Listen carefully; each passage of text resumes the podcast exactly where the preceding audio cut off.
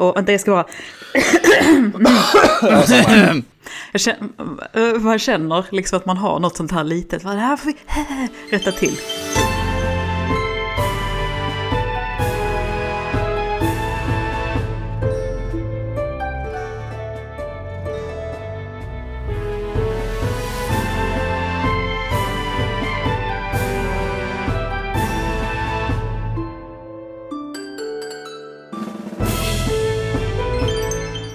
Och så proffsigt inleder vi eh, den första riktiga podden efter 300.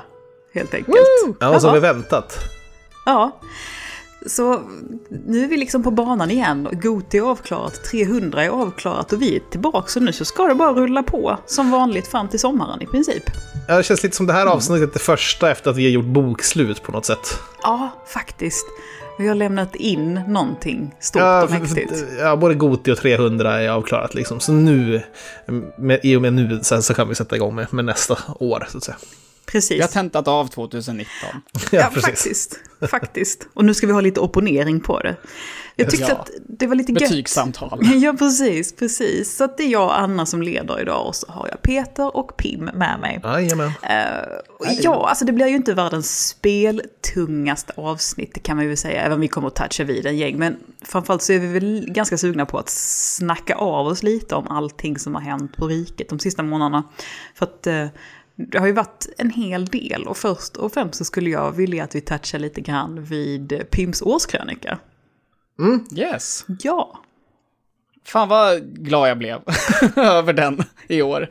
Eh, så för er som då kanske inte har sett det tidigare, så ända sedan jag joinade Svampriket och även egentligen när jag hade min egen YouTube-kanal en gång i tiden, så, så tenderade jag att brukar göra eh, ja, men årskrönikor, summerade åren som, som hade gått. Eh, ofta med en liten, eller ja, försök till humoristisk touch i alla fall.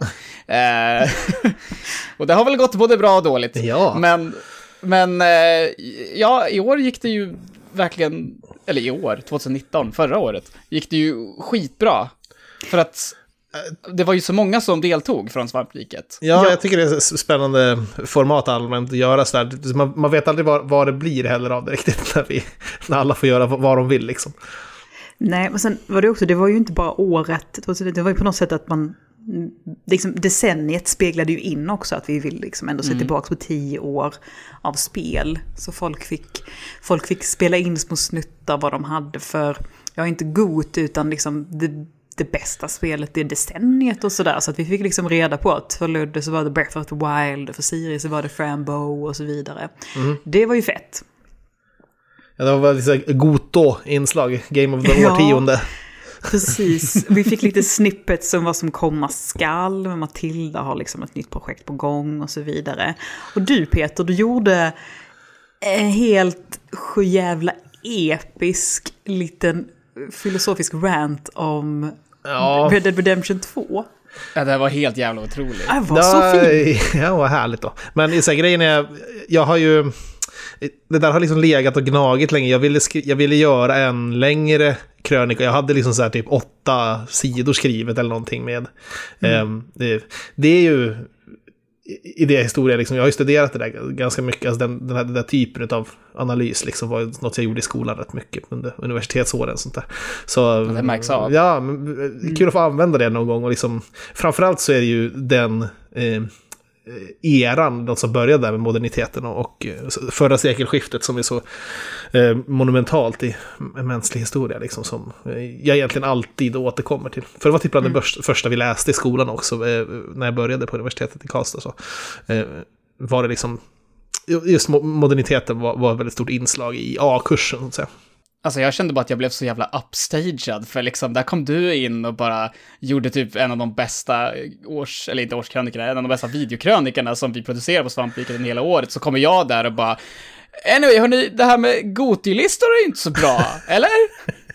Nej, det tycker jag... Det var liksom min hot take. Det tycker jag, det tycker jag absolut inte.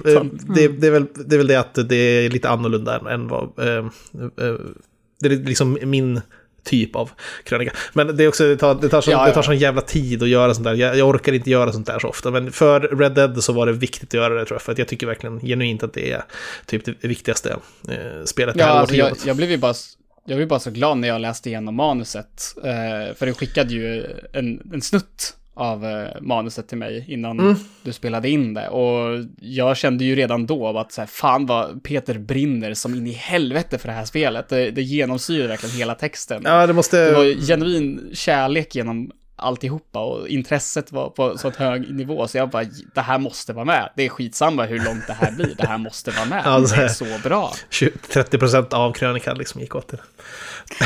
Alltså, Pim, du säger att du fick liksom så här lite bara, oh shit, hur ska jag kunna liksom göra någonting? Hur ska det här kunna matcha Peters svinbra krönika? Jag sitter väldigt lugn och trygg i att pepphörnan-segmentet som kom sen var precis lika bra. Det som oh ja. jag gjorde då. Ja då, ja då, så var det ju. ja, det, det var, alltså jag, jag tittade på det, för jag satt ju och klippte ihop allt det här. Ja.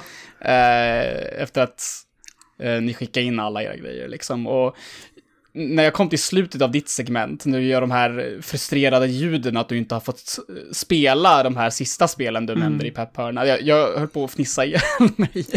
Det är fantastiskt roligt för att, alltså, det här är väl liksom också lite vårt för att vår, um, alltså Svamppodd är ju vår största kanal på många sätt som når ut till flest. Så det här är ju också vår uppmaning att, ja men tittar du inte på den här årskrönikan så ska du absolut göra det. För där fanns verkligen lite av varje och du fick se så himla många svampar och så många olika smaker. Men det roliga var någonstans också så att efter Peters långa filosofiska, liksom lugna, vackra inslag om Red Redemption så kommer jag, så att det var liksom från alltså, skön klassisk musik till någon slags eh, jävla hacke hackspett för att jag pratar så fort. Och det ska liksom vara så snäpp och det ska gå så fort. Och det var liksom så här, och det var sån brutal växling däremellan och jag bara, alltså shit, jag, jag är fruktansvärd. Jag låter ju som en skrivmaskin som man slänger ner för ett, längs med ett trapphus liksom. Men, men, Ja, ja, det är ju det är enkelt att vara självkritisk. Men det är väl bra, det, det liksom, eh, känns så väldigt typiskt oss egentligen att ha. Eh.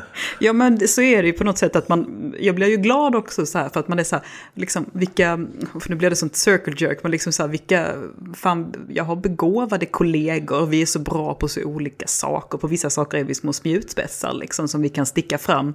Och det, det är kul att vi får glänsa lite ibland på något sätt. Så här. Och det tyckte jag verkligen att många fick göra i den här årskrönikan. Tyckte det var svinkul till exempel att Niklas fick lyfta uh, The Outer Wild, som mm. var ett spel som vi i Goti som vi kommer att prata lite mer om. Det var ett sånt här spel som liksom gled lite mellan stolarna. För det fanns ändå åtminstone två stycken svampar som verkligen tyckte om The Outer Wilds. Ja, men, och det fick ingen podd och det var lite synd tyckte ja, jag. Ja, jävlar. Det är bra att glida över här på Goti då kanske. Men det, det, mm, det, det känns som att det varje år i Goti så är det någonting som, som ja.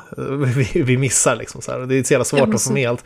Men ja, jag vet inte, vilket mm. spel kunde man ha, ha tagit bort och lagt Star Wars behövde ärligt talat inte vara med. Jag tycker att Outer Wilds borde fått en podd.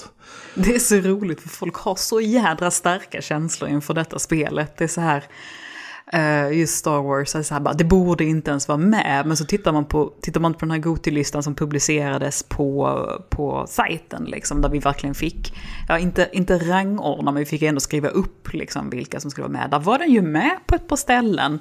Och sen samtidigt så är det vissa som säger som bara, nej, det, det ska inte vara med. Det här spelet, det var för dåligt.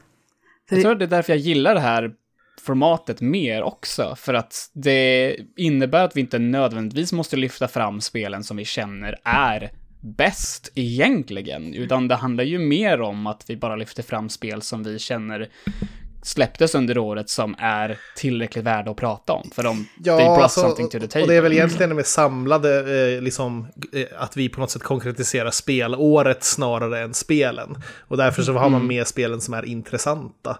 Eh, mm. Eller kanske tillför något, trots att de kanske saknar vissa kvaliteter som ett traditionellt godespel har. Liksom. Mm. mm. Nej men så här, också på något sätt det här att det här spelet har jag känslor för, det här spelet vill jag prata om. Och det är ju någonting, det är ju ja, någonting visst. jätteviktigt. Det är liksom. så jäkla individuellt eh, vad man får känslor för. Och liksom, man kan ju, vissa spel kan ju vara uh, usla i andras ögon. Liksom. Men Precis. För väl någon som sitter lite frågande just nu så får man väl bara förtydliga det här. Att vi bytte ju ut vårt Goti-koncept där vi sedan liksom, tidigare har suttit och nött fram genom att vi sitter kanske tio pers i podd och ja, helt enkelt smågnabbar fram en tio i topplista Ja, långt liksom om länge. Ja, som ett boardroom meeting där vi sitter och liksom ko- kohandlar fram någon slags lista. Oh ja, precis. Föreställ er den där scenen från Dr. Strangelove, där det eskalerar till punkten där de säger “No fighting in the war room”. Och det är lite- Ungefär så. Jag känner bara så här, jag är fan den här no fighting in the war room-gubben för att jag har varit moderator ett par gånger i den här och för att jag liksom känner att det ändå är så här, man bara nu och, och där når det någon slags kokpunkt när det inte känns så roligt längre och då får man liksom så här simmer it down lite grann. Ja. Ehm, och vi har helt enkelt gått ifrån det konceptet nu. Vi har gjort det jäkligt många år och det här året gjorde vi någonting annat. Vi Ja. gjorde tio enskilda poddar om tio enskilda spel. Genom att ja, liksom diskussionerna ägde rum innan på något sätt vilka tio spel som skulle vara. Och det var helt enkelt så att man fick ju liksom helt enkelt sätta upp sig på att det här spelet är jag sugen på att prata om. Och på något sätt så blev de då våra Gotispel. Ja. Alltså just det här att jag har saker att säga. Jag vill prata med er om de här spelen och därför blev de Goti helt enkelt. Ja. Ja, men, det är inte någon lista överhuvudtaget som, eller vi har ju våra egna topp 5-listor och så, men inte ens de eh, numrerade vi Nej. den här gången. Nej. Utan vi känner väl det att liksom, grejen är väl den att vi alla vill väl egentligen att, så här, oavsett vart spelen hamnar på listan så är det spel som är värda att spela. Precis. Och därför vill vi inte sätta någon liksom, eh, någon högre än någon annan egentligen. Sen så är det ju också ganska skönt för att liksom, när vi väl satte ihop listor gemensamt, eller en, en lista gemensamt, då liksom, hur många av oss var det då som faktiskt höll med om att, ja men den här listan, det här, den här håller jag med 100%. Nej, och det gjorde Man håller ju bara med sin egen lista liksom. exakt. Ja. Och det var ju liksom ingen på, på riket heller som gjorde det, så det skulle ändå liksom gnabbas om listan ytterligare några månader efter att den var satt på något sätt. Och det är så här bara, det, Alltså- det slitade, det var roligt helt enkelt. Jag är så jävla nöjd över att vi gått ifrån det också, för jag tycker inte om listor överhuvudtaget. Det finns ju så här, Anders är tokig i listor, han vill ju ha formatet kvar som det var också, tror jag. Men liksom, det började, jag kommer ihåg Anders pratade om, han vill liksom gå tillbaka och göra, göra avsnitt där vi liksom retconnar gamla Gotilistor. Slutar med det här jävla listandet nu. Och det, känns som, det känns som också logiskt liksom att vi går frå, från eh, listor när vi sedan länge har gått ifrån eh, sifferbetyg också. För det är också någon Ja. slags, liksom, eh, vad ska man säga, hard science utav kulturell bedömning. Liksom. Man måste rangordna. Ja, det är ju ett betygssättande där Eh, med. Exakt. Så att eh, em, vi är ju anarkistiska på det sättet att inga eh, liksom eh, hierarkiserande utav spel på något sätt sådär, utan eh, man kan ju diskutera dem i, i form av vad de har för styrkor och svagheter liksom. Men eh, att sätta betyg på det är inte nödvändigt. Nej, och så på något sätt också så här, vi blir ju, vi på redaktionen, vi har ändå varit samma folk ganska länge nu.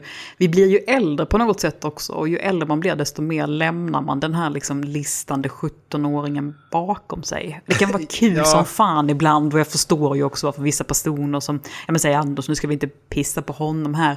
Nej, Eh, men alltså- alltså, att, att det är liksom gött och liksom få vara den där 17-åringen igen. Men Jo, jo. på något sätt så känner man att nu man bara så här, vad fan det här ger mig så jävla lite. Ja, sätt. det, Utan, jo, men jag, förstår också varför man tycker om listor. Det har väl också att göra med att man, man tycker det är kul att jobba inom ett format, hur det nu än är. Mm. Liksom att få, få behöva verka fram den här listan. precis, Liksom, alltså att, göra eh, någonting ja, som en- konkret av tyckande. Ja, men det är lite av en lek också, är väl att lista, Mm. liksom, att man försöker, ja, nu, nu måste du välja ett eh, som är det bästa, och så vilket är näst bäst. Så Mm. då tvingas man liksom sitta och väga fördelar och nackdelar och på något sätt komma fram till någonting. Men eh, jag tycker att det, det här andra formatet har också många styrkor som är värda att utforska många år framöver i alla fall. Oh, ja. Absolut. Oh, ja. Och sen så blev jag väldigt glad för att, nu kommer det här kanske hänga med några år, men det var ju så att eh, alltså, lyssnarna och tittarna och läsarna, så att säga, eh, deras lista som de röstade fram, över vilka Gotispel de, liksom deras Goti så att säga, så tittar man på deras topp 10 så var det inte så jäkla långt ifrån de 10 poddarna vi gjorde. Så det kändes ändå som att på någon jävla magisk vänster så lyckades vi liksom ändå liksom ringa in en liten en liten bingo där, så att, vi liksom, att vi var i, synk med våra tittare helt enkelt den här gången. Så att det kändes ändå som att, ja men om så många röstade si och så här så är de nog ändå ganska nöjda med poddutbudet. För någonstans så gör vi det ju för er och det är klart vi vill att vi, så här, vi vill ju att ni ska tycka om det. Vi vill ju att ni ska tycka om oss. Liksom. Fast vi gör de här ändringarna på, på typ den mest älskade podden på hela året så eh, vi vill ju få... kontroversiella. Kill your darlings, det är viktigt för att gå vidare. Damn right. Mm. Återigen, Damn right. vi blir äldre. Så, ja. att säga. Och sen, eh, ja det är ju, det är ju liksom lite mer än en vecka sedan så, så sammanstrålade vi 12 av oss, vilket typ är rekord, hemma hos Peter och spelade in podd och stream och åt lasagne och hade det svingött. För då var det dags för Sman på 300. Ja, det var en jävla mysig kväll. Ja, Ja. Vad det bra. borde, alltså det Kul, borde kul stream inte... också. Ja, alltså det borde inte, inte för att du liksom bor litet eller så Peter, men liksom 12 pers i en, i en vad blir det, en tvåa? Ganska liten tvåa, ja precis. Ja, alltså så här, en, en tvåa och um, det största rummet är liksom vikt åt, åt inspelning. Det borde inte funka, men det gick skitbra. Ja.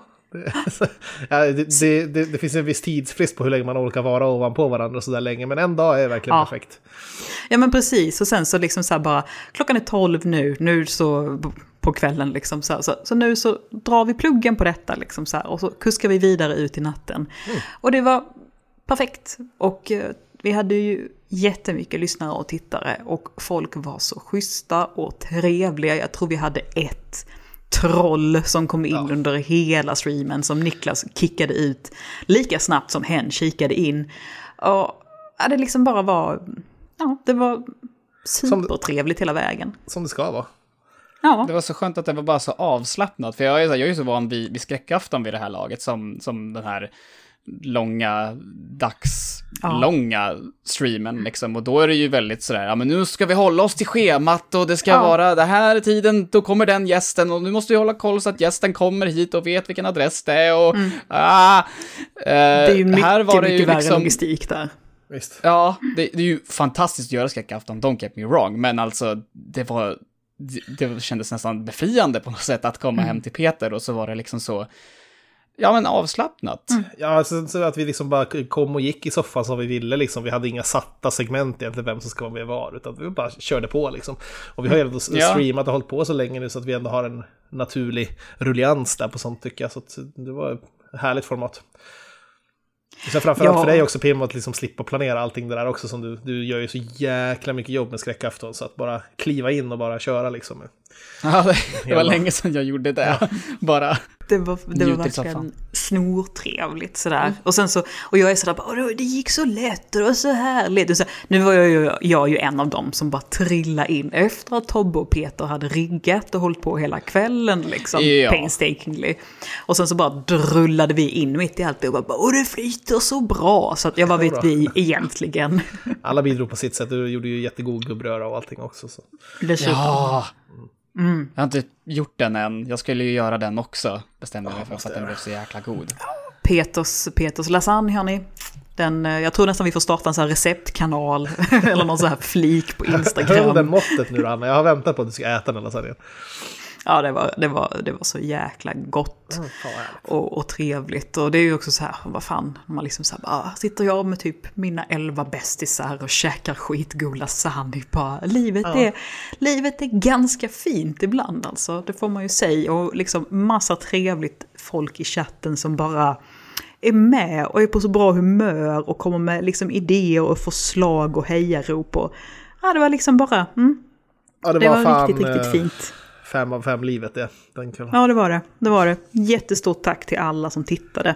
Och eh, streamen och podden ligger ju ute och går att leta upp ifall man Ja, ja, missade. det- eller Man kan se alltihop på YouTube och eh, Precis. även eh, lyssna på podden och se på oss när vi rull- rullar runt i eh, soffan och by- byter platser. Och hela Ja, havet stormar. Ja, det är det verkligen. Hela havet stormar. Det får ni ta. Det får ni ta. Ja. Lite bröligare än vanligt i avsnittet kanske, men Ja, lite mer. det må vara hänt.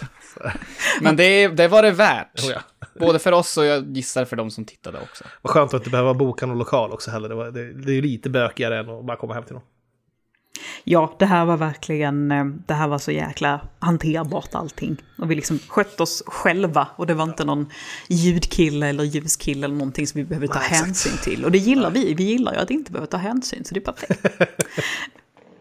Men hörni, så nu har vi suttit här och liksom myst lite över alla trevliga grejer som har varit. Så att eh, det är väl dags att sming, liksom så här, glida över i segmentet Vad har vi spelat?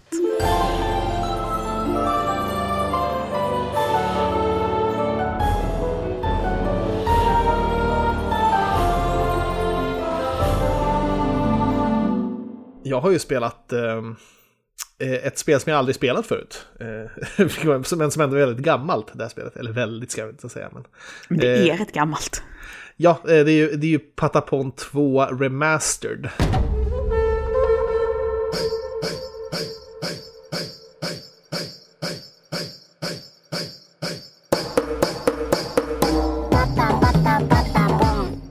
Det är ju... eh, Vad ska jag säga om det egentligen? Jag tycker att det är...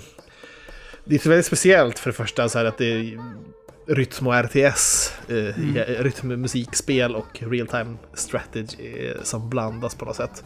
Och eftersom jag inte har någon, eh, något förhållande med det så var det ju verkligen en slags eh, ny, ny upplevelse. Så, Men, Så du har eh, alltså varit en sån här person som man liksom kan säga Patapon utan att du börjar sjunga på Patapon-låten? Ja, precis. Jag har, jag har ju hört den någon gång sådär. Liksom jag förstår att det, det är som en grej med, med pom pom patapon och pata pata patapon. Ja, det svänger som Eh, i- fan. Verkligen alltså. Det har ju eh, sådana stora fördelar framförallt med liksom hur det ser ut och hur det låter. Och så där. Men Ja. ehm, eh, det känns ju tyvärr ganska daterat ändå. Eh, Jag tror att det har att göra med att jag inte kommer in med någon nostalgi. Liksom. Det här var väl ett P6-spel? va? Vad- Eller vad heter det? Bärbart spel från början. Jag har inte kollat upp det. Ja, PSP var det. PSP, precis. PSP Ja. heter det. Och sen kom Ehm. vitan efter den, så var det ja. Ja, precis. Så det var ju Så- lite så här, så här Patapon, Loco Roco Ja, var ju liksom de stora egna titlarna där. Verkligen. Bägge två väldigt, väldigt omtyckta, men säkert också en smula daterade. Ja. Ja, det tror jag. Jo, alltså, jag tror att det har att göra med att det kanske att, det till och med är att när man sitter och, och spelar det i soffan på en stor tv liksom, med en handkontroll, det är då det liksom... Eh, jag tror att det är då det är som sämst. Eh, För att det liksom... Det är egentligen den kvarvarande känslan jag har att uh, rytmspel med konventionell handkontroll och tv är nog det sämsta alternativet. För när vi är i en nutid med touchskärmar och VR och alla möjliga andra tillbehör som går att ha till, till sådana här spel. Jag tror även att det till och med att det är mycket bättre att bara spela på, på liksom handhållen konsol. Sådär. För att då, känns det, då har man lite andra förväntningar om man sitter på en buss och skumpar och sp- spelar det här liksom. Ja, jag tänkte precis säga i kollektivtrafiken, för det är också det här, det är ju jättesnyggt. Jag, alltså jag tyckte ju det var snyggt då, så var jag tvungen att liksom titta och det är så här bara, ja den här grafiken, det går ju inte att göra fel på något sätt, det går ju inte att göra den ful liksom så här, Nej, tio år inte. senare. Den är Så- ju fortfarande skitfin. Men när man titt- tittar på det på, på PS4 nu då, och i Ja. allt det här eh, 4K native och liksom väldigt Precis, högupplöst så- så det-. Så liksom måste det ändå gå långt med skärmen. eh, Så och det gör det ju för vissa, så det är väldigt starkt, gulligt, liksom så här, stilsäkert och väldigt toe-tapping musik. Så, men eh, det, kommer inte, det kommer inte så mycket längre på det bara. Nej. jag tror att målgruppen är nog mycket de som redan har ett förhållande med det här spelet. Eh, och så kombinerat med att det känns liksom lite opedagogiskt och plottrigt ibland, men dyker upp så här är, man ska läsa samtidigt som man håller takten. Och liksom. eh, så det är inte, Oh. det är inte jätte imponerande 2020 trots att det är 4K native och allt det här behjärtansvärda audio, audiovisuella myset som det erbjuder. Liksom. Men, Men jag ehm, kommer ihåg, så här, Loco Roco kom ju också för, eh, kan det vara två, tre år sedan. På PS4, och man var sådär, åh, Loco Roco, det gillar jag. Och sen så bara, men inte att spela på en stor tv liksom. Nej. Nej, bara, nej men vad är, vad är poängen? Det är ju de här pluttiga spelen, de här platta spelen gör ju sig så jäkla bra i smått bärbart format. Mm, och blåsa upp det på en stor tv är lite, lite bortslösat. Det blir lite pluttigt där. Ja. Sen var det väldigt utmanande också. Det känns nästan som att eh, biten var liksom på ett neg- negative edge som det heter i fighting-spel. Att det, det var liksom, biten kom när du släpper knappen snarare. Så, här, så det tog, tog lång tid att komma in i det. Så kändes det för mig i alla fall. Jag vet inte hur andra upplever det. Men eh, det är svårt att kalibrera också handkontrollen till biten liksom förstås. Men, eh, nej men alltså, jag, jag, alltså om man har eh, ett förhållande med Patapon sedan tidigare så tror jag det här är jättevärt att liksom ta en titt på. Men eh, för mig blev det liksom rätt fort att det blev, eh, ja, äh, det här är vad det är liksom. Och mer är det inte. För det är ju inte så, den, det är ju inte så mycket. Liksom Nej. Så. Det är ju ett Nej, väldigt enkelt gameplay. Men eh, jävla mysigt och stilsäkert är det. Det, det ser, ser verkligen bedårande ut. Så. Ja, och några av låtarna är riktigt jäkla bra också. Oh ja, oh ja. Kan vi inte ta ifrån dem. Nej. Så det är väl det jag har spelat egentligen. Sen så, eh, det har inte varit så mycket sen 300 avsnittet liksom har det varit att man kommit igång med livet igen på något sätt. Så, eh, Jag har spelat lite Hearthstone och sånt där som vanligt men det, det är inte liksom eh, mer än det. Det, det märks verkligen och det har vi ju konstaterat också så här att nu är det, ja delvis är det januari, eller januari har precis varit och det har varit ett långt år som man brukar säga. Januari är mm, sträng månad.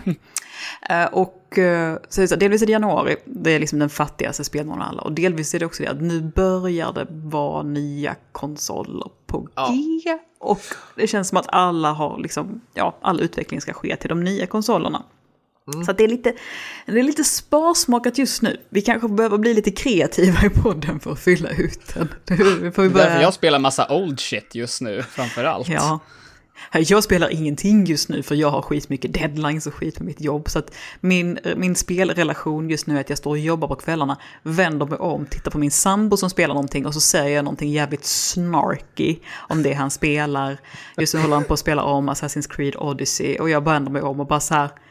Alltså hur jävla fort går inte de där båtarna? Det är helt jävla orimligt att de båtarna ska gå så fort. Alltså man kan liksom stryp ljudspåret och så kan vi lägga på ett brrrr-ljud. För så jävla fort går de. De går Så- snabbare än en James Bond-film.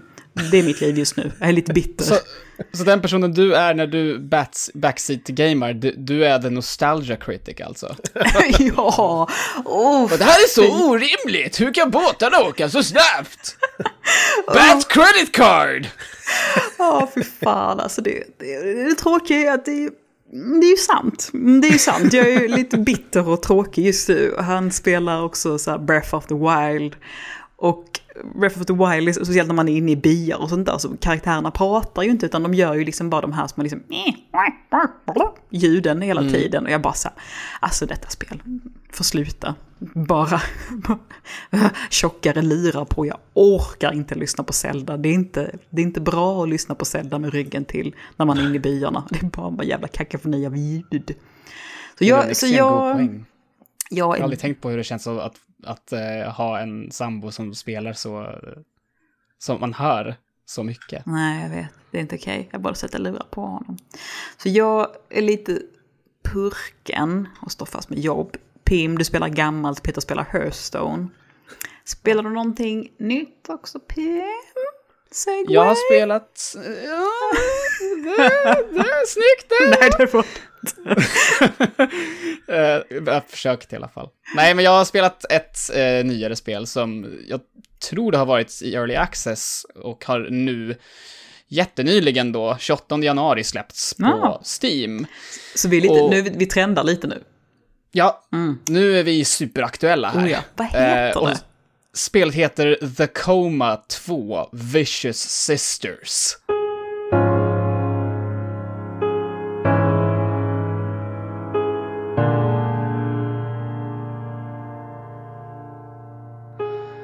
Och eh, säger man det snabbt så låter det som att man säger Tacoma 2, vilket det alltså inte är. Det här är istället ett eh, sydkoreanskt skräckspel och det, det är alltid kul att, eh, eller alltid, nu får det låta som att jag spelar så jag, sydkoreanska spel ofta. Det är, hela det, det är det som är hela grejen. Eh, för att man associerar ju Sydkorea väldigt mycket med vad det är de spelar, inte vad det är de spelutvecklar. Eh, så när man helt plötsligt sitter med ett sydkoreanskt spel framför sig, då är det lite extra spännande kan jag tycka. Eh, och eh, precis som förra gången jag spelade ett sydkoreanskt spel så handlar det här också om att du är en eh, high school-elev som befinner sig i skolan. Eh, precis som i eh, spelet White Day som kanske är Sydkoreas mest kända spel. även fast det typ är lite av en kultklassiker. Ehm, men ja, båda spelen eh, inleds då på en skola. Och uh, vad som utmärker The Coma 2 är väl typ att det grafiskt ser lite ut som ett väldigt påkostat Flash-spel. Mm. Får man säga. Mm. Uh, det, jag vet inte hur jag ska beskriva det här med ord riktigt. Det är en sån här grej som när man, när, man, när man ser det, då vet man exakt vad jag menar tror jag. För det är typ så här, när, när karaktärer springer och grejer, då kan man verkligen se att så här, eh, det ser ut som pappersdockor ja, ungefär. exakt, som man rör. Det är så här lite, du vet de lite kackiga eh, serierna på så Nickelodeon och Cartoon Network. För de små barnen, där det liksom bara är att man liksom bara drar och sliter i någon stackars gubbe. Så att de ska ja, röra man kan sig. Se, ja, man, ser. man kan se att benet inte sitter ihop med eller att benet är en separe, separat del Ja. från torson. Tänk sprattelgubbe. Ja, ja, ja men ja. Mm. Men det, Så här, för arm flailing tube man, nej kanske inte så illa. Men annars Eh. så, det här spelet, för att jag fick ju liksom så här, jag Patapon hade jag ju koll på, men annars så försöker jag ju alltid googla och titta lite på spelen vi ska prata om så att man har någonting att komma med. Eh, och det här spelet har ju lite peka-klicka-appeal också, för det är de här platta bakgrunderna, du går från vänster, höger, höger, vänster så att säga, och du ser liksom karaktären i, i, eh, ifrån eh, sidan och så vidare. Eh, vilket jag tyckte var så här, bara, "Hm, det var ju lite intressant sådär och ganska, ganska snyggt ut. Även om det inte rör sig så snyggt så är det liksom grafiken i sig och stilen var ganska Mm, så stilen är säker snygg. tyckte jag. det har ju någon slags här visual novel eh, appeal på något sätt. Ja, precis. Väldigt comic Ja, och rent gameplaymässigt så, ja, man ska, skulle väl nästan kunna säga att det är åt peka-klicka-hållet på sätt och vis. Det påminner ju väldigt mycket om eh, 2D-skräckspel som släppts sedan typ Lone Survivor ungefär. Så det har lite gemensamt med Lone Survivor, det har lite gemensamt med eh, det taiwanesiska, eh, taiwanesiska spelet Detention. Ehm, så eh, ja, det är eh, tvådimensionellt. Eh, Du eh, rör dig genom eh, skolmiljön som sagt, men du får även eh, besöka andra ställen som en polisstation och eh, en, eh, en marknad och så vidare. Och medan du gör allt det här så eh, försöker du lista ut eh, ett stort mysterium och mysteriet är lite, ja, vad fan det är som försiggår. Eh, det har någonting att göra med, med the, eh, som titeln antyder, The Coma. Eh, utan att spoila för mycket, det, det här sägs typ ganska tidigt, så jag vet inte om det här är en så särskilt stor spoiler egentligen, men The Coma är någon slags eh, separat värld som jag antar då skapas utifrån att någon hamnar i en koma. Jag tror inte att det är protagonisten, för så långt har jag inte spelat så jag kan bekräfta, men eh, det har någonting att göra med att ens eh, drömmar och fördomar och rykten bokstavligen kommer till liv eller någonting och så är ju de här två eh, vicious sisters som är ute efter att döda dig och du är inte helt säker på varför. Okej. Jag, eh, Eh, som sagt, jag eh, tittade på och jag bara, så här, men jag drar igång en trailer. För jag var så här bara, The Coma 2. Jag hade ingen aning. Alltså jag hade kunnat, alltså med en bit krita och arslet borde jag ju kunnat räkna ut att det är klart att det är ett skräckspel. För det är ju faktiskt också Deepim som har spelat det. För jag bara så här, så, och så fick jag upp en bild på en trailer och jag bara så här, jag tittar på det med ljudet av, för jag är inte en skräckperson. Så jag tittar, jag tittar på hela trailern med ljudet av och bara, mm, bra, är bra, då vet jag vad det handlar om. Så, mm, jag behöver Det, inte det är veta kul mer. att du påpekade att, att du inte är en skräckperson, för jag skulle faktiskt säga att det här är nog ett skräckspel för folk som inte är så sugen på läskigare grejer. Det var ju, Eh, och- det var ju liksom Tis- ganska snällt i stil egentligen. Ja, det är till stor del därför, tänker jag. Att det, här, det finns inte så många skräckspel som man lyfter fram som, som är mer... Eh, hur ska man förklara det egentligen? Ja, men ta, ta lite- Gremlins som ett exempel. Ja, men lite Vanilla typ. Ja, ja men ja, alltså va vaniljskräck. Ja, Alltså inte skräck för, för vanilj, utan bara vaniljnivå på skräcken. mm, precis. Eh, in, en inkörsport till grövre grejer. Din gateway-skräck. Exakt. Nej men den, den, den, den såg ganska, ska, barnvänlig är väl svårt att säga, men det, det var inte PT. Det var det inte. Nej, gud nej, det är det inte. Eh, och även om det i, lite senare in i spelet dyker upp eh, vissa grejer som är väldigt obehagliga att titta på, så är det ganska mycket som känns tamt, i synnerhet eh, då det här spelet tyvärr använder sig av den, vid det här laget, väldigt uttjatande spelmekaniken att du kan gömma dig i skåp, under bord, eh, bakom skynken, jag vet inte. Mm. Eh, du gömmer dig en hel del i det här spelet eh, och du kommer tyvärr behöva göra det så pass mycket att du till sist bara tröttnar på det. det kommer dyka upp flera segment där du eh, går från ett rum till ett annat och sen så dyker eh, en av de här systrarna upp och ser dig direkt och skriker och du bara åh nej, då går jag iväg eh, genom den vägen jag kom och sen så går jag in i ett save room där de inte kan nå mig och så väntar jag där ett tag, sen går jag ut och sen så försöker jag gå upp på samma ställe igen och nej, hon dök upp på samma ställe en gång till, jag går ner till save roomet igen där hon inte kan nå mig, jag står där och väntar ett tag, rinse, repeat.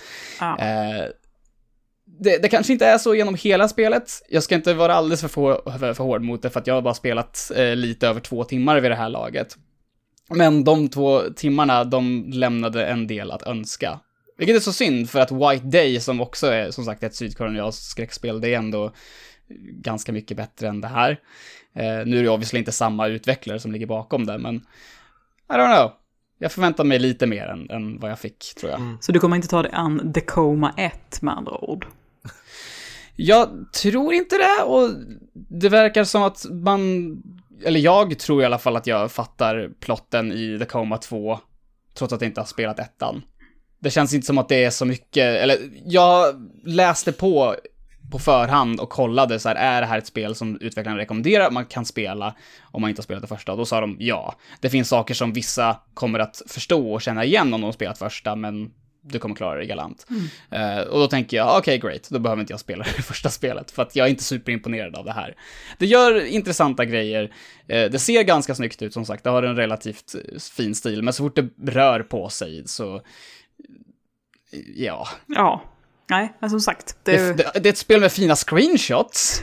Ja, det är sant. Jag hade nog blivit mer imponerad om jag bara hade tittat på bilderna än jag tittade på videon. Men nu kollar jag på videon, så mig lurar den inte. Mm. Men du kan ändå, du är ju ändå en sån som kan truga i dig ganska mycket skit ganska länge. Ja, det... Men du är, är lite, sant. lite skeptisk här. Ja. Ja, det, det, det, är inte så här, det är inte ett dåligt spel, det är det absolut inte. Som sagt, jag tycker att det här är absolut, och förhoppningsvis kan man ju väl även, eh, även fast jag inte har spelat det, rekommendera första Coma också. För att jag antar väl att de delar väl lite faktumet att, eh, att det inte är så här superduperläskigt, att det är vaniljskräck som sagt. Eh, och då känns det som att, som sagt, eh, spelar du inte så mycket skräck men känner att du vill testa, böja på dina gränser och så, doppa tån i det kalla vattnet, då är det värt att ge det här ett försök. ja. Det är inte heller särskilt så svårt direkt.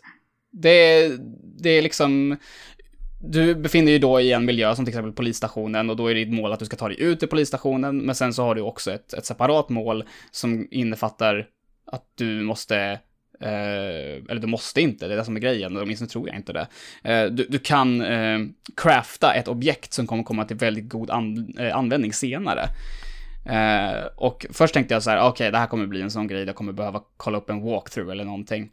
Eh, men nej, det var väldigt simpelt. Eh, och banorna är liksom inte så överdrivet stora eller förvirrande att, att du behöver spendera allt för mycket tid åt att, åt att söka runt liksom. Så det, det har ett bra tempo i alla fall. Mm. Och det är ganska gött också vad man känner. Det är, sånt kan bli väldigt, väldigt frustrerande när man bara springer och går runt och går vilse.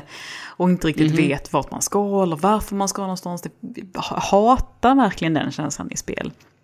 Ja, för jag är ju inte pusselmänniskan heller, vilket är ganska ironiskt för att jag älskar survival horror-spel som tenderar att alltid innehålla pussel. Eh, Din egen värsta fiende. Ja, men det, det, det tillför till skräcken. Ja. Eh, nej men, det, det, det var rätt skönt att det här var liksom så här, det var inte överkomplicerade pussel eller så, det har ett bra tempo, det minus då att man kan eh, lura AI ganska rejält med att kliva in i save rooms och så vidare. Så, Ja, uppenbarligen.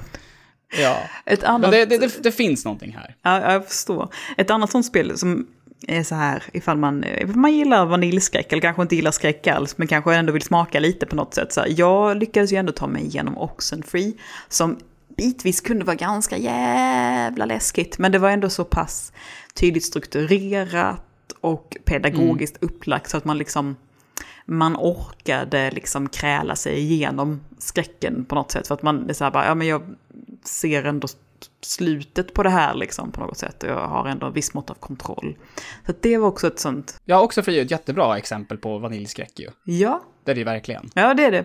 På det sättet. För att... Eh, som sagt, för man bara vill testa, liksom, testa sina gränser lite. Eh, så, så var det faktiskt riktigt bra.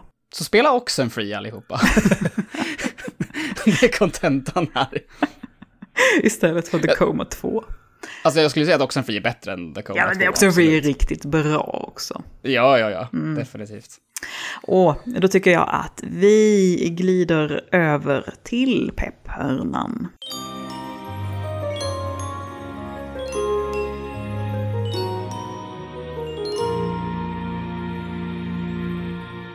Pepphörnan som ni vet är ju väldigt så här fint eh, inredd. Jag tänker så här, du vet lite 70-tals källare med liksom väldigt luddig heltäckningsmatta och sådär. Och mycket krukväxter och eh, så här onödigt mycket dykar på ställen där det inte behöver vara dykar. Det är ju pepphörnan, där inne någonstans. Där kryper vi upp i någon god nersutten fåtölj. Kanske finns en liten karamell där under stolsdynan också ifall man tittar efter. Jag skulle inte äta stolsdynekarameller i och för sig. Jag känner så här, liksom, man kan, ju, man kan ju känna efter lite försiktigt med tungan liksom så. Först. Så länge den har legat där liksom. Ja. Om det är garanterat att den är vegansk så... Då kommer jag testa. Ja. Och ingen kan stoppa mig. Vi, vi räds ingenting. Så i pepphörnan idag så tänkte jag att vi ska prata om två stycken spel som heter The Last Campfire och Little Miss Fortune. Och vi börjar med The Last Campfire.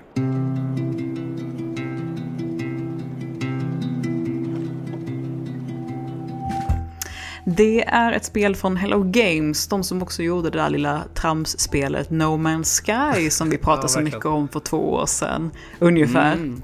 Det här ska liksom bli något, de skriver liksom själva att det här ska bli ett litet spel från dem. Liksom ett litet, liksom ett litet pluttis-spel och det ska komma 2020. Eh, man spelar som vad de kallar för en ember, alltså som en ember från en eld. Så det är bara en ember, vad kan man säga, att det är en glöd? Liksom en sån här liten ja, typ. eld... Ja, vad säger man? Eldkorn? Ja, ett, en sån där liten som virvlar upp i luften. Lopp, man, man är... Loppa eller vad man säger. ja, en liten eldloppa. Det är faktiskt ganska bra.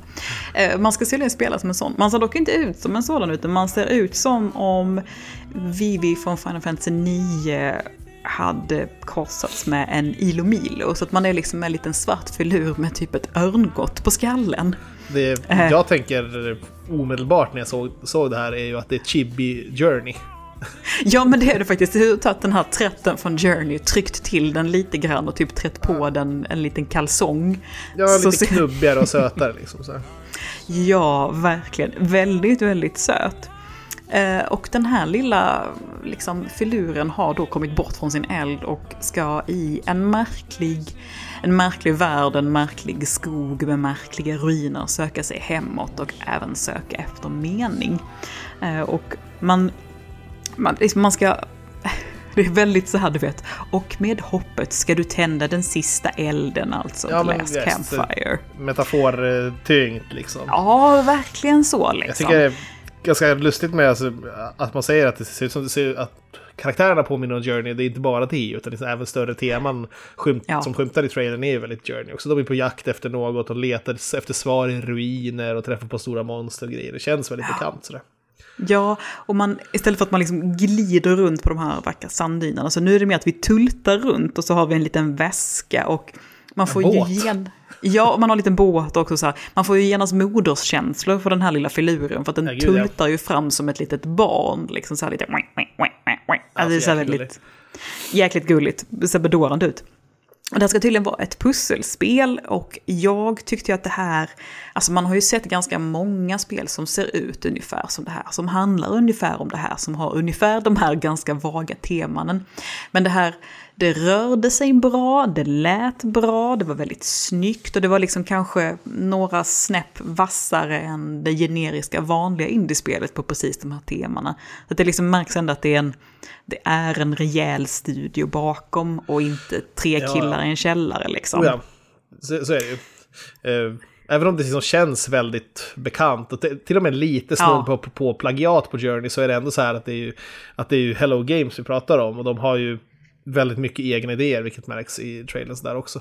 Men att de... ehm, det är lustigt tycker jag att de går från något så överjävla ambitiöst och liksom som, som No Man's Sky till något så här nerskalat och mysigt. Det är liksom nästan som att de brände sig själva lite. På, på Ja, där. precis. Ja, det är Och jag söker efter dem. en... eh, Jo, det är ju alltså fan Journey och Pikmin. Alltså, Mm, ja, precis. kn- knådar man ihop de två då får man ungefär det här spelet. Ja. Eh, Oj, det lät spännande. Ja, men det är så här, det, det känns ändå som att det kommer vara ganska så känslosamt och det var lite läskigt och det var lite sorgset och sådär. Det som jag kanske hade velat se lite, att jag hade velat se lite gameplay för det ska vara ett pusselspel och så vidare. Jag var så här bara, men var är pusslen? Jag satt och tittade på trailer det är ju bara en trailer som sagt, vi vet inte när under 2020 som Nej, det det kommer. är, så, det är helt TBA det här, om det ens kommer 2020. Liksom. Det Ja. enda som står på Wikipedia är ju bara TBA. Men ehm, Så här, sätt det på din wishlist på Steam, man bara, Ja, ja. jaha, okej. jag skulle direkt ha det, jag vill skitgärna spela det här. Ja, det Det var ju väldigt Posit- sött. Positivt tycker jag också att, de, eh, att, eh, att det ser ut så här och är så fundamentalt annorlunda från vad, vad No Man's Sky var. Att det håller Hello Games eh, som studios rykte vid liv lite. Att de är liksom konsekvent och oberäkneliga och en spännande spelmakare. Att det är så här tvära kast. Det tycker jag är något som, ja, som man inte ser jätteofta i alla fall. Nej, verkligen inte. Och sen som du sa också, att, liksom att, så här, att vilken spännvidd liksom, att gå från No Man's Sky till det här. Så man kanske måste någonstans efter ett spel som No Man's Sky som ändå har en ganska unik plats i spelhistorien på något sätt. Med liksom ja. hur det skrevs upp och hur det landade och hur det sen utvecklades. Så det var verkligen en slow burn och så vidare. Mm. Och man kanske måste landa i den här mindre, lite mer känslosamma pusselupplevelsen efter något sådant. Det här kanske är liksom deras lilla terapi, att sitta och göra det här spelet. Ja, eller ska, det, det är en ung studio. De har bara gjort de här Joe... Vad heter de? Joe... Nej, inte Joe Dirt. Ja, Eh, Joe, ja, Joe, nej, Joe Danger heter det. Joe Danger. Ja, ja.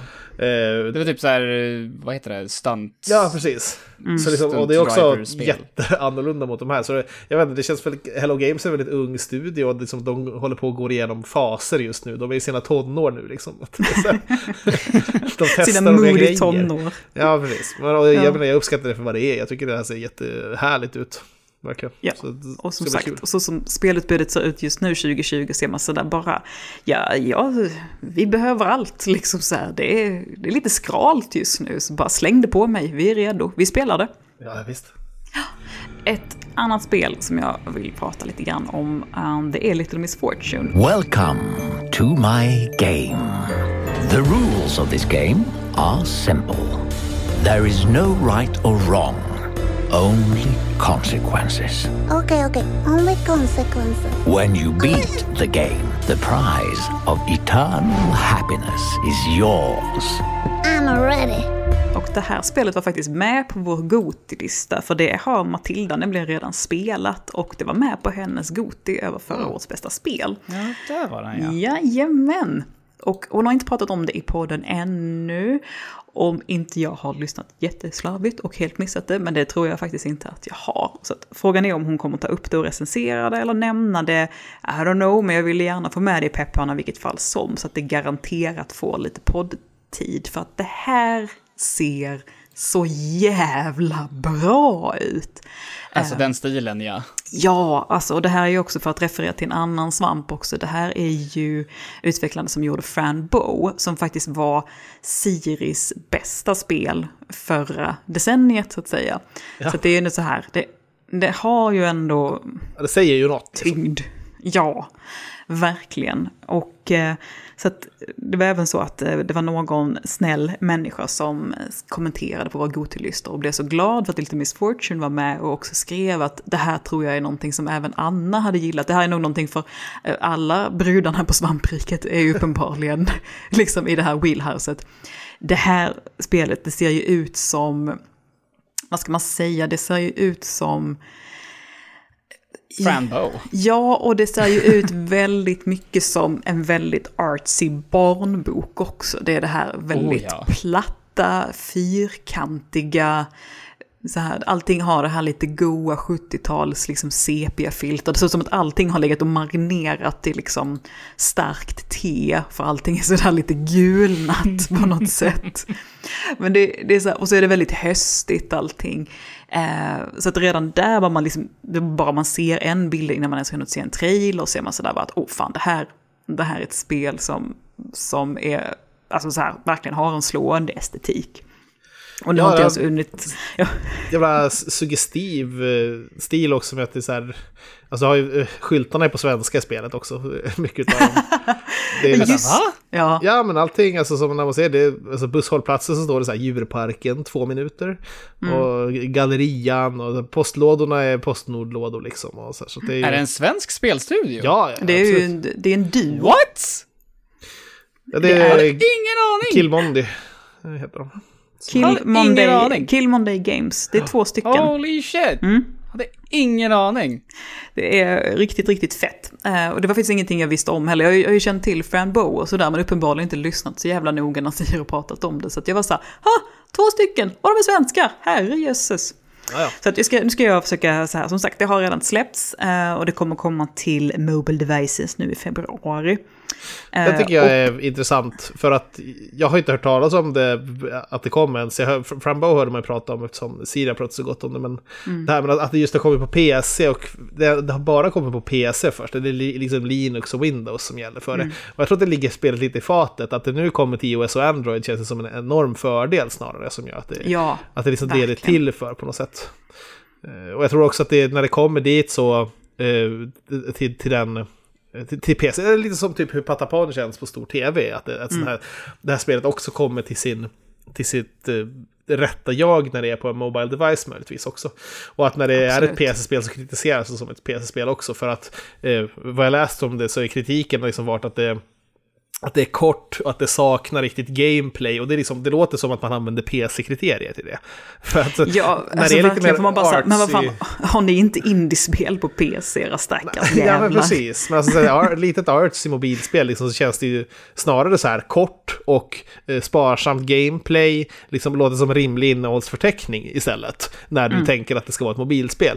Så då vet, då vet man ju vad man har att förvänta sig och du kan liksom bara koppla av i någon timme eller två och supa in stämningen i spelet. När du i, är i lokaltrafiken eller på väg någonstans. Liksom. Ja. Så att det, Men det, men det är så konstig kritik också, delvis för på något sätt som sagt, ni vet väl vad ett indiespel är, så det är två utvecklare som också bara, du tittar på, tittar på en nanosekund av det här spelet och det skriker ju indiespel. Bara, när har Ja, du spelat visst. ett spel som ser ut som här, som har jätteköttigt gameplay och som är långt? Det, det finns ju inga sådana spel liksom i princip. Nej. Nej, men så det, jag, jag, som, som sagt, jag tror verkligen den kritiken kommer från att man har spelat det på PC och då någonstans har Ja. undermedvetet någon slags förväntningar om att det här känns inte som ett bra spel för att det är på PC. Ja, det är otroligt konstigt. Ja, alltså överlag så har det liksom, det rankas ändå ganska högt av liksom användare, men eh, det här är ju en, det här är ju en rolig mix av spel, för det är ju så här väldigt gulligt och det är också helt fucked app liksom. Det är verkligen mörker och sött om vartannat. Det är pentagram på marken och fairy dust samtidigt. Alltså, och bokstavligen för bägge två finns med. Så det här är ju alltså peka-klicka eh, och där du också gör val och valen får konsekvenser så att säga. Så att det har ändå, där finns ju ändå liksom en köttighet i det så att säga. Och man spelar som åttaåriga Ramirez, en liten flicka som eh, hon ute på ett uppdrag och vill hitta evig lycka till sin mamma. Och med sig har hon eh, Mr. Voice, som alltså är själva berättarrösten som berättar vad som händer.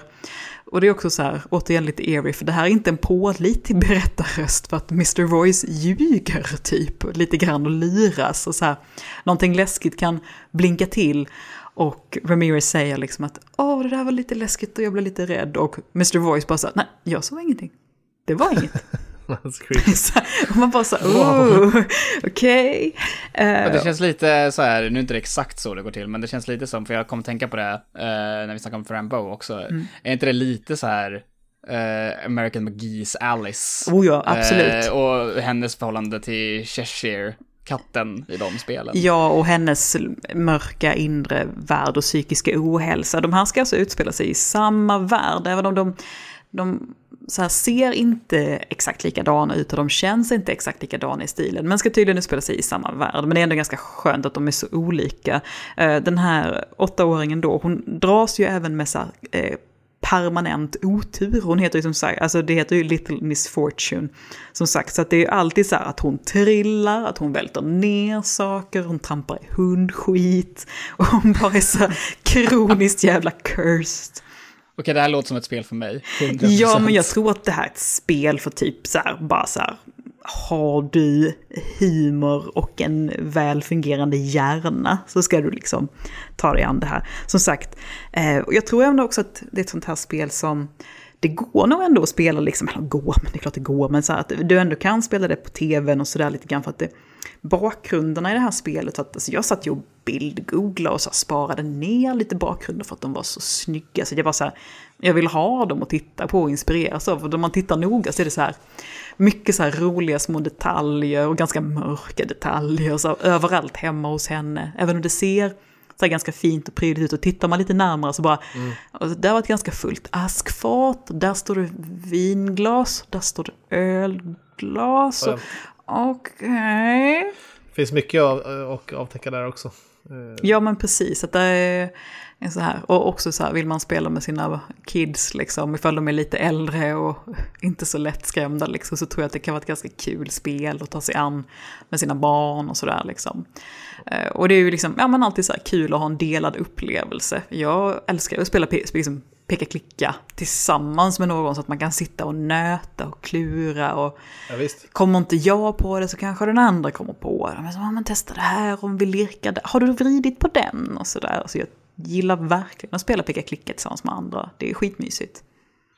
Ja, det ser ut som en härlig typ av annorlunda upplevelse också. Sen estetiken är ju väldigt speciell, liksom. jag tycker att det verkar vara stor behållning i det Ja, också. Det är, det är, det är två kre, väldigt kreativa personer som gör de här spelen i Killmonday. ja uppenbarligen.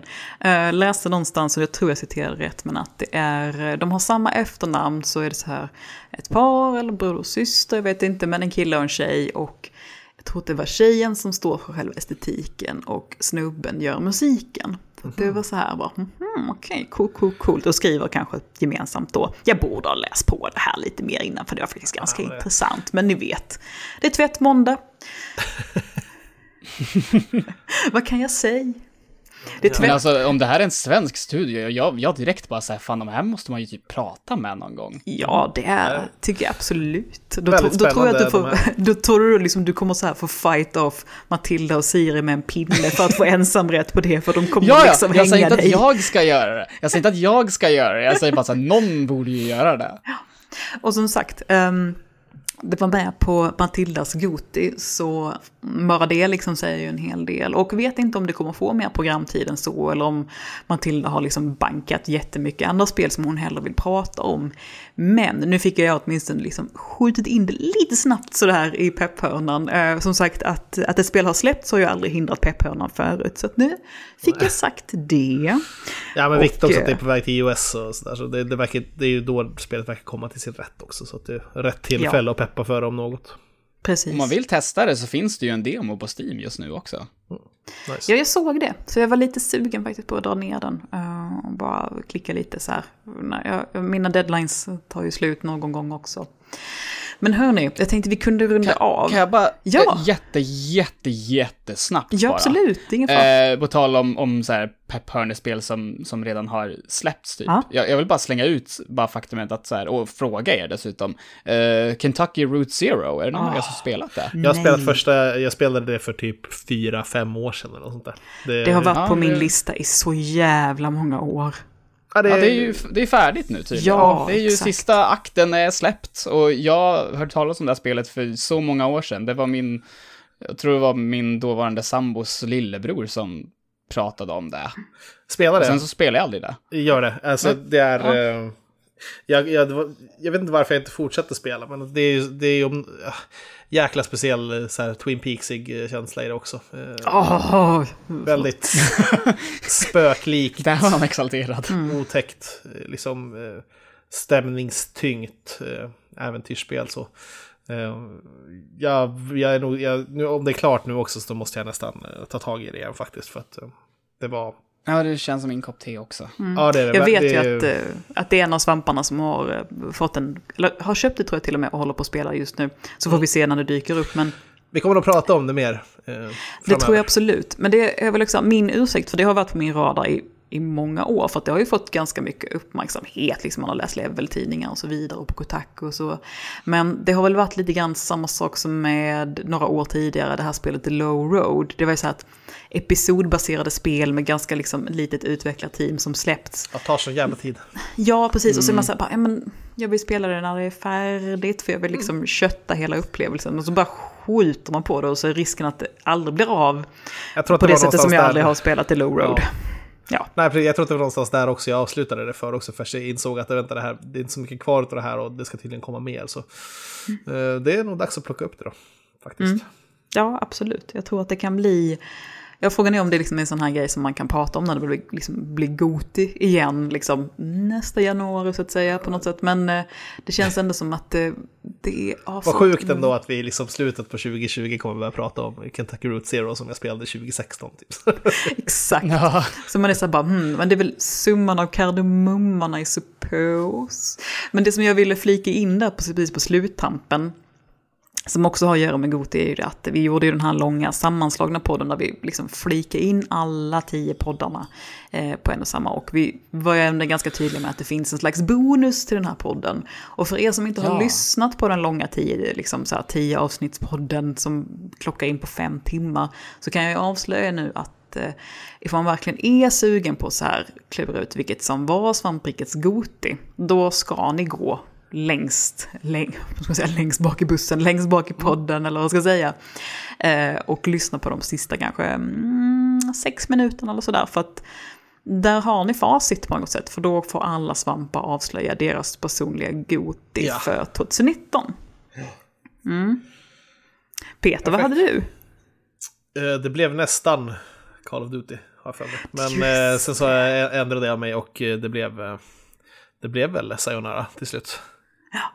Jag trodde ju att du skulle ha med Death Stranding åtminstone på din liksom så här, vad ska man säga, topp fem-lista eller... Inte ens där kom det med så, nej, när jag började spela det så var det så här, men jag insåg, det, det tog ju, vi pratade ju om det i, i Gotipodden också, att det liksom, Ja. det blev, eh, det var något med långtråkigheten i gameplayet till slut som, eh, Ja. som dräpte mig. Och så, så, ja. Men det är definitivt årets mest intressanta spel, det är det. Det är också ett sånt där spel som jag har stått och jobbat och så vänt mig om och så har det varit Death Stranding. Man bara så här, men herregud, ligger du där på de där isländska gatorna och tragglar runt fortfarande? Är det inte tråkigt? Jag- var tvungen att ta Sayonara Wild Hearts för att jag hade en sån, eh, det var en jävla eh, upplevelse när jag spelade det också. Det var, eh, Anders var hemma hos mig också, så var det sent på kvällen, så sp- spelade vi det tillsammans. Ja, det blev Eh, inte sämre eh, tillsammans. Nej, såklart. precis. Och vi, vi hade, det, var, det var en jävla eh, inlevelse man spelade det med. Mm. Tjoade och kimmade. Det var kul. Pim, vad hade du?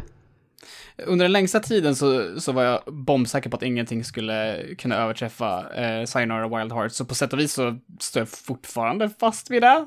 Eh, because min åsikt behöver inte vara logisk. Eh, men, eh, nej, men det bästa med det var ju liksom att det, jag älskar när mitt Goti är en överraskning. Och eh, nog för att Sayonara Wild Hearts var en enorm överraskning, även fast jag redan kände till det sedan innan, så hur mycket jag skulle tycka om det, det var en överraskning.